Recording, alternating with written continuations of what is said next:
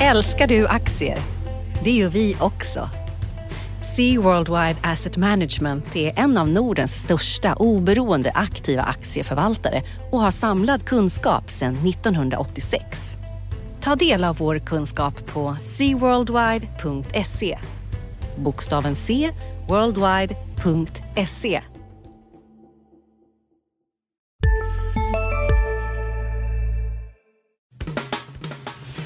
Analyspodden från Dagens Industri. Hej och välkommen till Analyspodden där vi på Dagens Industri försöker gå igenom det viktigaste som har hänt på marknaderna under veckan. Och eh, Det är jag, Viktor Munkhammar, som ska göra det tillsammans med Ulf Pettersson. Hej Ulf! Hallå, hallå Viktor! Hur är det med dig? Jo då, eh, det är helt okej. Okay. Uh, faktiskt. Spännande vecka har det varit. Uh, ska vi dra igenom lite vad vi ska prata om som en slags uh, kapitelregister eller vad det heter. Vi, vi, har ju fått, två stora bolag har ju fått nya vd till slut den här veckan. Nordea och Saab. Mm. Clas Olsson har kommit med rapport. börsen ja. har varit ganska glad. Och sen har det ju hänt saker på så att säga min sida bordet också kan man säga med ett eh, rätt överraskande räntebesked från Riksbanken. Det har kommit en del inköpschefsindex eh, med mera. Har vi fångat Just det viktigaste det. nu? Ja, eh, men du ska nog lägga till det här med att Trump och Kina ska träffas igen. Det var det som gjorde att den här börsveckan blev en riktigt ja. glad börsvecka. Ja, precis, det står på listan kan här säga. kan jag avslöja. Men du, ska Gör vi börja med de här VD-erna? Vill mm. du ta Sabel och Nordea först och säga något kort om det bara? Störst går först heter det ju i, i, min dotters såna här barnböcker. Så mm. Det var någon jag läste om. Så det tycker jag är Och då är det ju Nordea som är störst eh, och eh, Wang Jensen som, som blir eh, börs igen här då. Eh, eh, Wang Jensen som var hos eh, Handelsbanken en kort tid. Eh, men fick sparken därför att han inte, eh, för att han inte var sams med sina, sina kollegor. Då. De anställda tyckte, tyckte inte om honom. Så då fick han gå och då hamnade han hos Nordea i Danmark ett tag och nu så ska han väl till Finland och bli chef för, för hela klubbet. Och det där är en ganska intressant utnämning. Eh, Eh, vi, det är inte så vanligt att man lämnar en VD-post för ett storbolag i samma bransch och går över till nästa. Det har hänt. Vi har ju i, i Scania Volvo har ju en hög chef på Scania blivit VD, Martin Lundgren blivit VD på Volvo och sådär. Och går man väldigt långt tillbaka så har vi då Jakob Palmstierna som fick lämna SE-banken, som det hette på den tiden, och hamnade hos Nordea. Så det har hänt. Men det var ju näst, nästan på den tiden när det var lagligt med insiderhandel. Ja, det var nog till och med lagligt då. Ja, ja. Mm. All right. det, han har ju det, två viktiga saker kan man väl säga. Dels att han har varit väldigt tydlig med att nu blir det eh, besparingar, kostnaderna ska ner. Eh, mm. Och sen så, och det hänger väl ihop, så studsade ju aktien upp ganska ordentligt eh, på den här utnämningen. Vad ska man tro om det här vd-skapet? Det tror jag. Jag tror att eh, Wang Jensen av alla möjliga skäl är väldigt mån om att lyckas på den här posten. Det var ju en stor personlig revansch. Och jag tycker att han kom in i ett ganska bra läge där Nordea har haft en period av eh, kostnadsökningar till följd av alla dessa eh, Panama-skandaler och allting annat som, som har gjort att man har anställt väldigt mycket eh, legala människor. Och lyckas han nu få ordning på det där så, så, så tror jag det kan bli bra. Eh, aktiemarknadens förväntningar på Nordea sett till hur den har värderats här innan uppgången då när Van Jensen eh, till, eh, när det blev känt att han skulle bli VD var ju väldigt lågt ställda. Aktien värderades ju under eget kapital och sådär och var lägst värderat av bankerna. Alltså, så, så det behövs inte mycket för att Wang Jensen ska bli, framstå som en succé-VD. Lyckas han sänka de här kostnaderna som han var ute och talade om så, så tror jag det kan bli en bra aktie. Ja. Är det personalnedskärningar man ska vänta framförallt eller är det andra saker? Svårt att säga förstås, men om du får gissa. Ja, men det, det som man kan påverka här är ju förstås eh, personalen. Det är ju en väldigt stor kostnad och, och fortsätta dra ner kontor. Eh, sen handlar det om att effektivisera. De har ju varit i en uppbyggnadsfas med, med hela den här eh, mer legala frågan och det handlar om att effektivisera den där så småningom. Nu har det varit några år då man har liksom bara anställt massvis av personer för att få ordning på det här och nu handlar det väl om att försöka göra det lite mer rationellt framöver. Så det kan bli bra. Ehm, det kan det bli. Jag tror att eh, han har dessutom ett jobb att göra externt i så mått att Nordea har faktiskt tappat ganska mycket kunder. Det har varit inte, de har inte jobbat på, på marknadsavdelningen eh, till följd av att man har jobbat väldigt internt. Så där har han också ett jobb att göra, att försöka ta tillbaka förlorade marknadsandelar. Ja, All right, bra. Eh, och så Saab då. En långvägare fick ta över eh, vd-posten där efter Håkan Buske. Det tror jag faktiskt är ganska sunt att välja en långvägare här för det som, det som eh, Saab har att göra nu, det, det är klart det är jättebra om Finland också ska ha JAS-plan men det han har att göra nu eh, nye vdn här, det är att se till att, att eh, eh, få...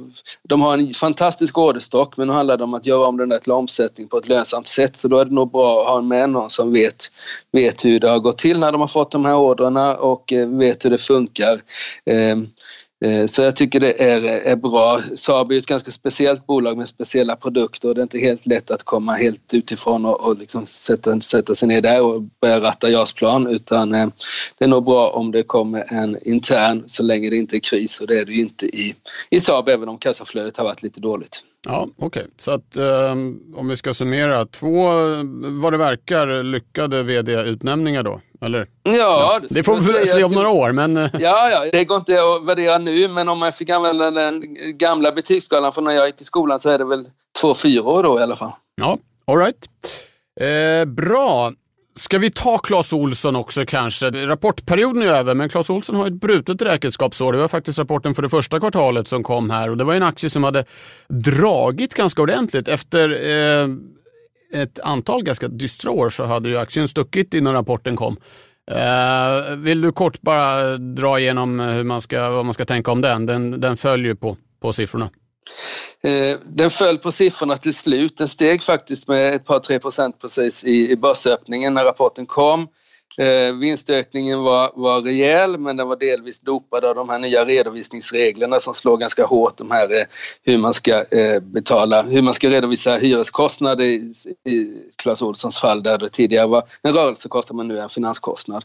Justerar man, justerar man för det där så var det ändå vinstökning från 30 till drygt 50 miljoner och det är ju ett steg i rätt riktning men det är en förfärligt låg marginal sett till vad Clas Ohlson har gjort förr i tiden. Eh, jag tycker att aktiemarknaden, den är inte så mycket handlad den där aktien. Den gamla, gamla ägarfamiljen, grundarfamiljen sitter kvar på mycket aktier så det gör att det blir en ganska, ganska hoppig kursutveckling. Vi såg det innan rapporten och vi såg det efter rapporten. Eh, jag tycker att rapporten var bra. Jag tror att Lotta Lyre är helt rätt person att driva Clas Ohlson. Jag tror att hon vet vad hon vill och jag tror att hon vet hur hon ska, ska göra det hon vill. Det vill säga att, att hon har ett besparingsprogram som pågår. Hon har stängt ner eller håller på att stänga ner i, i, i England och Tyskland. Det är helt rätt. Eh, hon, eh, jag tycker att eh, försäljningstillväxten faktiskt inte är så dum. Den var 6% om du rensar för, för nedgången i, i England här som är, som är, liksom, som är naturlig. Så jag tycker det ser ganska bra ut. Men på P talen är den dyr, men jag tror att eh, det Lotta har visat hittills eh, så tycker jag man ska äga den där kommande åren och se vad hon till slut kan åstadkomma. Ja. Ska vi prata lite makro då? Det som ja. jag framförallt håller på med och där är ju veckans, veckans grej Riksbankens räntebesked eh, som ju var rätt överraskande. De eh, håller fast vid planen att eh, höja här vid årsskiftet. I praktiken betyder det att antingen sker vid mötet i december eller vid mötet i februari nästa år. Mm. Och det hade marknaden inte trott. Bara dagen innan hade ju faktiskt Nordea svängt om och, och, nu, och, och hade prognosen att de skulle sänka innan, innan årsskiftet. Eh, så det här det fick kronan att, dra lite grann. Eh, som mest 8 öre mot eh, dollar och euro. Landade väl på 5-6 sådär. Mm. Sen ska man väl säga att längre fram så drog de ner den här räntebanan ganska ordentligt. Räntebanan är alltså deras egen prognos för vad som ska hända med reporäntan. Men att de ändå tänker sig att höja var överraskande och ja. ganska intressant tycker jag. Ja, och varför, varför eh, för det känns som att Stefan Ingves är den enda som tänker sig att höja om, om eh, jag vet inte hur det var med vårt, eh, vår skuggdirektion där. De hade väl inga planer på att höja räntan här så det känns som att Stefan Ingves och hans, hans, eh, eh hans folk på Riksbanken är ganska ensamma om den här synen. Varför är de det? Och, eh, Ja, vad, vad tror du låg Ja, bakom ja, det här? men det, ganska... är- ja, vi har lite teorier. Till att börja med kan man säga att även Norges bank är ju faktiskt höjningsdagen. De har höjt och väntas eh, göra det igen här nu i september och eh, även Tjeckiens centralbank eh, höjer. Men annars har du helt rätt. I resten av världen har vi bara sett sänkningar i år. Eh, och framför allt så har ju Federal Reserve sänkt och kommer antagligen fortsätta göra det. Och inte minst eh, ECB då, den här grannen som, som Stefan Ingves tidigare har liknat vid en elefant och, och sagt att när elefanten sprutar vatten så är det lätt hänt att man blir blöt. Eh, ECB väntas ju i, i nästa vecka eh, presentera, presentera lättnader, men Riksbanken går, tänker sig i alla fall då att gå på tvärs mot det här och det är inte helt lätt eh, att förstå om man bara tittar på den ekonomiska utvecklingen. Eh, jag tittade på presskonferensen med Ingves och han lyfter fram saker som att resursutnyttjandet fortfarande är högt, att arbetslösheten är låg på många håll eh, och de verkar titta väldigt mycket på de nivåer som är snarare än riktningen och det är lite konstigt för en, en centralbank ska ju liksom vara framåtblickande. Och ja, resursutnyttjandet är högt nu, men vart är det på väg? Och ja, arbetslösheten är låg i många länder nu, men vart är den på väg? Jag tror att de är mer angelägna än de vill medge om att komma upp till noll. Att de är pressade av kritiken mot minusräntan eh, och pressade av att ha minusränta, även om det som Stefan Ingves underströk på presskonferensen, rent ekonomiskt så finns det liksom inget magiskt med, med nollan, men att de är medvetna om symboliken som han sa. Så att jag, jag skulle tro att de det verkar som att de är väldigt, väldigt sugna på att komma upp till noll. Eh, och sen i den här nya räntebanan så dröjer det rätt länge innan de ser sig nästa, nästa höjning. Eh, men eh, det är inte helt lätt att, att förstå för inflationen är ju under målet och kommer vara lägre här nu. Det har de räknat med. De räknar för övrigt inte med att nå upp till inflationsmålet under hela prognosperioden fram till 2022. Eh, och eh, konjunkturen eh, är ju på väg ner. Eh, Men eh, Riksbanken tar då fasta på att de tycker att det är fortfarande högkonjunktur. Eh, En annan överraskande sak är att de, de räknar med att, att avtalsrörelsen som börjar här nu så smått eh, ska leda till att löneökningarna studsar upp. De har legat på 2,5 procent i 5-6 år. Riksbanken tror nu att de ska bli 2,9 respektive 3,2 de närmaste åren. Inte helt självklart att, att avtalsrörelsen ska leda fram till det i det här läget, tycker jag. Hade de någon, någon argumentation varför löneökningen skulle öka just nu då när man går på väg in i en lågkonjunktur? Fanns det någon... Ja, de tittar ju då, som jag tycker, lite för mycket på hur det ser ut just nu. Att det är fortfarande brist på arbetskraft. eh, Det är fortfarande eh, en högt tryck på arbetsmarknaden. Men de signaler vi har fått från arbetsmarknaden det senaste halvåret är ju väldigt tydliga att det, att det håller på att- svalna. Eh, Och om vi tittar på konjunkturen så är det ju svårt att se att den utvecklingen skulle vända. Men det är väl bara att hoppas att Riksbanken har rätt och att vi kommer fortsätta vara i en inte fantastisk men stark konjunktur och att det blir möjligt att höja. Men eh, jag, jag tror att det blir svårt för dem. Men, men det var i alla fall planen, och, och, och, och, eller det är i alla fall planen. Och det överraskade marknaden som eh, nog hade tänkt sig en, att de skulle skjuta den här eh, höjningen här vid årsskiftet på, på framtiden. Mm. Om, om vi håller kvar där vid de här eh, framtida löneökningarna så fick de väl, en, Riksbanken är ju en, en maktfaktor i det här. Jag antar att, att eh, arbetstagarsidan blir väldigt eh, nöjda med att ha en riksbank som, som vill ha en, eller som tror på, en, eh, eh på löneökningar på 3 Här var det inte ute fackligt, fackliga företrädare som pratade just om, var det inte till och med 4 de vill ha här? Ja, Pappers eh, var ju eh, först ut eh, här med, med och formulerade krav och ville ha 4% Och visst är det så. Det kommer ju arbetstagarsidan anföra då att eh, ja, men, ja, det ska vara en inflation på 2 Inflation Just nu pågår vår stora season sale med fantastiska priser på möbler och inredning. Passa på att fynda till hemmets alla rum, inne som ute, senast den 6 maj. Gör dig redo för sommar. Välkommen till Mio. CSRD. Ännu en förkortning som väcker känslor hos företagare. Men lugn, våra rådgivare här på PWC har koll på det som din verksamhet berörs av. Från hållbarhetslösningar och nya regelverk till affärsutveckling och ansvarsfulla AI-strategier. Välkommen till PWC målet och så, så ska det vara liksom en reallöneökning där. Medan då eh, Svenskt Näringsliv också varit ute och sagt att eh, ja visst, de kan prata om inflationsmålet hur mycket, de vill, hur mycket de vill. Vi tittar på verkligheten och vi ser inte att det ska vara någon inflation på, på, på 2 procent. Eh, Kan- Så det är absolut, Riksbanken blir ju ett, eh, ett slagträ här. kan det bli en het fråga som vi kommer podda om framöver, tror du, arbets, arbets, eh, ja, förhandlingarna här? Eh, det kommer det säkert bli och själva ar arbetsmarknaden i sig ska vi också uh, prata om. Den tror jag kommer bli jätteviktig i höst politiskt också.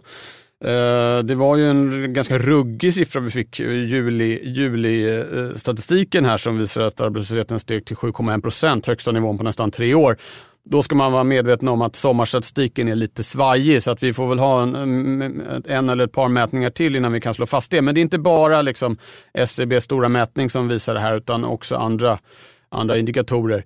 Eh, så att, eh, ja, men det, var, det var veckans eh, mest spännande. Sen tänkte jag också att det är nog värt att, som kopplar i det här, vi har fått en eh, drös inköpschefsindex Just det. Eh, och det visade på industrisidan att det var eh, inga, med några undantag, försämringar, vilket är positivt, men, men fortsatt ganska svagt och särskilt i Tyskland. Eh, och sen fick vi på tjänstesidan och där var det liksom tidigare lite eh, eh mera eh, eh, liv i luckan. Eh, och inte minst i USA så steg eh, eh tjänste-PMI ganska ordentligt, vilket Eh, skapade en del entusiasm och ränteuppgångar och liknande. Så det är lite tudelat fortfarande. Att liksom den inhemska delen, inhemska efterfrågan är starkare än den externa. Och varför, varför går tjänstesektorn bättre? Är det så att säga en del i den här eh, automatiseringsvågen och att, att, liksom, eh, att vi flyttar, in, flyttar ut eh, eh ska vi säga, industrijobb, behåller tjänste, tjänstesektorn i landet eller vad är det? Eller är det något annat? Det här, är, det här, är, ett, det här är ett internationellt fenomen. Ja, det finns uh, den, den uh, lite dystrare tolkning av det är att vi har sett den här konjunkturavmattningen i världen som har pågått nu ett år eller så. Det är framförallt industrin. Eh, delvis kopplat till handelskonflikten mellan USA och Kina, kopplat till inbromsningen i Kina som ju är halvt i alla fall medveten. Eh, slaget mot exempelvis bilindustrin, det är nog en viktig anledning till att det ser så väldigt svagt ut i, i Tyskland. Så det är mm. industrin som ligger före här och tittar man historiskt så är det industri-PMI som har varit den bästa ledande indikatorn. Eh, sen dröjer det ett tag innan det här börjar påverka tjänstesektorn, för tjänstesektorn är ju delvis i alla fall beroende av industrisektorn. Så att, eh, ett inte orimligt scenario är väl att även tjänsteindexen kommer börja dra sig neråt mot industriindexen. Eh, men där, man kan ju hoppas att det inte blir så, men, men, men, eh, historiskt har det varit så att, eh, att industridelen av de här inköpschefsindexen har varit den ledande indikatorn. Så det finns väl en viss risk att vi, att vi kommer hamna där. Men än så länge så håller som sagt de eh, inhemska eh, sektorerna, tjänsterna är ju mer inhemsk efterfrågan medan industrin är mer utländsk efterfrågan än om det förstås förekommer en del handel. Men om, om vi tar, eh, om vi tar, vi hade då vi hade ju halvårsrapporten här i juli och sen så nu så väntar de en månad lite styvt så får vi nio månadersrapporter. Utifrån din, din horisont där, eh, konjunktur och makrohorisonten, har läget försämrats vad det gäller konjunkturen eller förbättrats när det gäller konjunkturen sen eh, juli månad, skulle du säga? Eh, det har juli. fortsatt att försämras. Vi såg exempelvis industriorderingång i Tyskland som kom eh, igår som var ner några procent i årstakt. Sverige var det också ner. Eh, sen är det inte så att vi befinner oss i en recession eller så behöver Nej. gå in i recession, men det är svaga tal. Inte minst Tyskland som är mer Kina-beroende än Sverige, mer beroende av bilindustrin. Men vi vet ju att, att Sverige är väldigt beroende av Europa i sin tur och Europa är, där, där är Tyskland väldigt viktigt. Mm. Sen är det fortfarande så att USA, liksom tidigare, håller emot. Men även där finns det, det är lite blandad statistik där. Som sagt, den här eh, tjänste, tjänste-PMI nu som kom i USA igår var ju väldigt, eh, väldigt bra. Men, men, eh, men ja, den här avmattningen som vi har sett ett tag, den fortsätter. Eh, mm. Och den går väl om något lite snabbare än många eh, hade trott. De konjunkturprognoser som har kommit här nu i början på, på hösten eh, ligger väl att den svenska BNP-tillväxten ska vara kanske en, en och en halv procent här nu i år och mm. nästa år. Någon är lite, lite dystrare, någon är lite ljusare, men, men eh, där någonstans. Så att, så att eh, ja, i alla fall för industri verkstadsbolagen så har ju inte konjunkturutsikterna eh, förbättrats även om det inte är liksom kris och panik på något sätt. Det något annat i din horisont? Det finns det något att säga om Trump denna vecka också? Eller? Eh, alltså det man kan säga om Trump, eh, det är väl att, eh, som du var inne på i början där, att, eh, att nu är det återigen lite mer försonliga tongångar vad gäller eh, eh, konflikten med, med, Kina och det har ju fått börsen på bättre humör. Den, den, den följer ju mer eller mindre hur stämningsläget verkar vara. Eh, samtidigt har det framkommit att de här telefonsamtalen som man pratade om man hade haft med Kina för ett par veckor sedan, det var rent påhitt, hade inte ägt rum. Så att, hur mycket man ska lita på det här som kommer ut. Eh, menar, sitter man bara och handlar aktier efter vad, vad Trump eh, twittrar så då blir det ju stökigt för en. Jag såg förut en rolig undersökning som JP Morgan hade gjort. De hade räknat antalet tweets från, från Trump och om man har skickat eh, 35 eh, tweets eller mer en dag så hade börsen i snitt gått ner vad det nu var, lite grann. Och låg det under fem tweets, då hade börsen stigit. Så att ju mindre han twittrar, desto bättre för börsen är väl var slutsatsen av det. Mm. Och vad tror du då i Kina? Eh, eh, har du koll på det kinesiska kynnet? Hur känner man här liksom efter att ha fått ett par riktiga smällar? Det var ju förra fredagen för en vecka sedan var det väl han, han blev eh, surnade till på riktigt, eh, Trump här med det. Dels blev han arg på, på eh, Jerome Powell där på eftermiddagen när han inte sänkte räntan på Jackson Hole-mötet och sen så fortsatte han att, att på eftermiddagen höja tullarna mot, mot Kina där. Eh, men vi får väl se, det är inte fredagkväll än riktigt om det kommer en ny dusch, dusch äh, tweets då. Men äh, vad tror du? Ja, tror nej, du men det, är, alltså, det är ju lite det är svårt, jättesvårt att säga om Kina. Jag menar, det är ingen som vet där. Eh, en teori är att, jag menar, i våras så räknade alla med att det skulle komma någon typ av överenskommelse mellan USA och Kina. Kanske inte liksom ett stort nytt heltäckande handelsavtal, men att i alla fall någon typ av vapenstillestånd i den här konflikten. Men, men för att båda parter skulle tjäna på det. Eh, men en teori är väl att eh, Xi Jinping, alltså den eh, eh, kinesiska presidenten, eh, är pressad internt jag menar, han må vara, må vara högste chef i en diktatur men han kan inte göra precis som han vill. Och att det är sådana överväganden som ligger bakom. Eh, den här oroligheterna i Hongkong har väl inte gjort liksom, saken mindre komplicerad heller. Men nej, ärligt talat, jag vet inte. Trump var ute i veckan själv och sa att hade det inte varit för Kina och USA handelskonflikten så hade Dow Jones stått 10 000 punkter högre. Så han, han, han, han har koll på, koll på börsen, eh, Donald Trump, och han vill ju att den ska stiga när, han, när vi går in i, i valrörelsen här om ett år ungefär. Ja, och det är ett sånt där skäl man anför till att varför inte liksom lägga locket på den här konflikten. Men eh, mm. det, det, det, är inte alltid rationellt. Nej.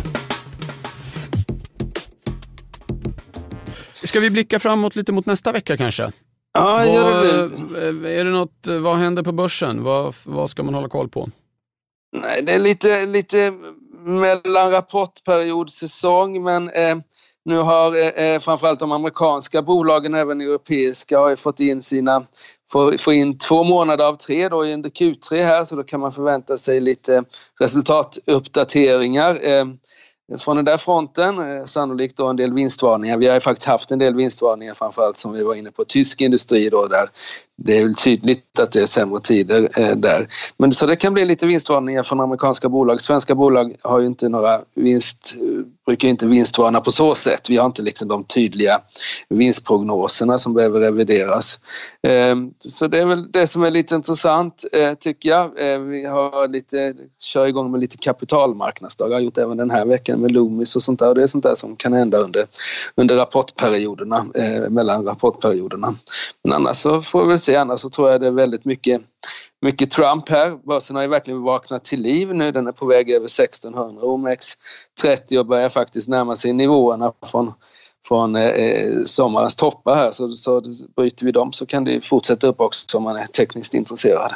Mm. Jag vet inte vad du har för, för, eh, vad kommer du ägna nästa vecka åt? Ja, men en, en viktig grej, det, fortsätter på centralbankstemat. Det är tre veckor på raken här med Riksbanken den här veckan, nästa vecka ECB och veckan där på Fed. Då. Men eh, ECB-beskedet blir intressant. De, någonting ska de ju göra, frågan är hur mycket och vad mm. de gör.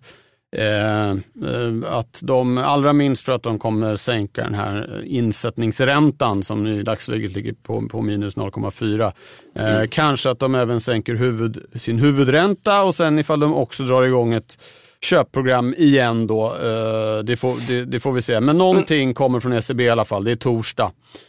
Eh. Så, så det, de, de är inte lame duck bara för att de ska byta chef här och Legard ska, ska bli chef så småningom? Uh, nej, nej, nej. Det, alltså det, är, det har varit tydligt flaggat för. Det började redan i, i juni i samband med den här uh, forskningskonferensen i Sintra och sen så beredde de marken i julibeskedet och nu är frågan liksom bara hur hur mycket gör de? Och det kan nog skaka om marknaden lite. Blir det ett mindre paket än, än, än vad som är inprisat så kan det nog få effekt på både eh, börser och, och, och valutor och, och tvärtom. Då.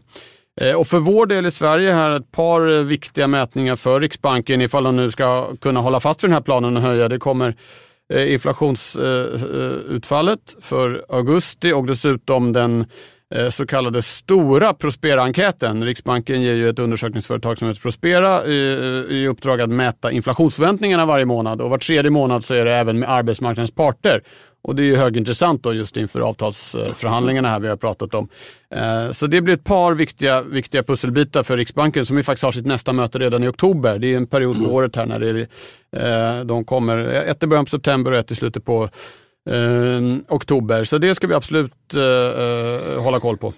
Men det var inte mötet i oktober, man höjer räntan utan i december, eventuellt februari då om Stefan I den här nya banan tog de helt bort sannolikheten för att det skulle komma i oktober. Så att, eh, ja. nej, men däremot så är ju frågan ifall de, vad de väljer att signalera i oktober om december-sannolikheten. Och där, som sagt, tror jag nog att de kommer tvingas kanske peta ner den. Men de verkar som sagt, eh, som sagt igen då, eh, väldigt angelägna om att komma upp till nollan. Så att vi får se. Men ett par, ett par viktiga pusselbitar kommer på tisdag i, i nästa vecka.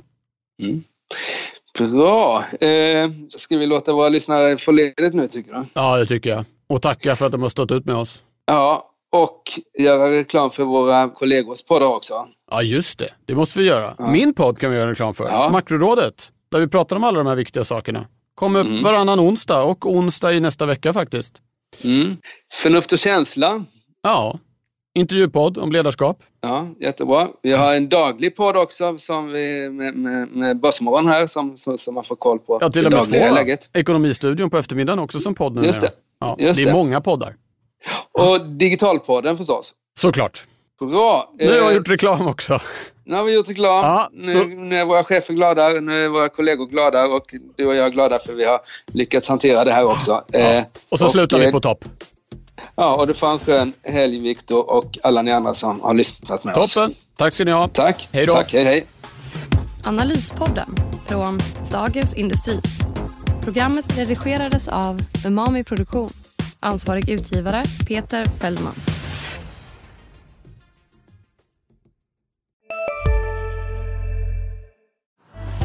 Älskar du aktier? Det gör vi också. Sea Worldwide Asset Management är en av Nordens största oberoende aktiva aktieförvaltare och har samlad kunskap sedan 1986. Ta del av vår kunskap på seaworldwide.se. Bokstaven C, worldwide.se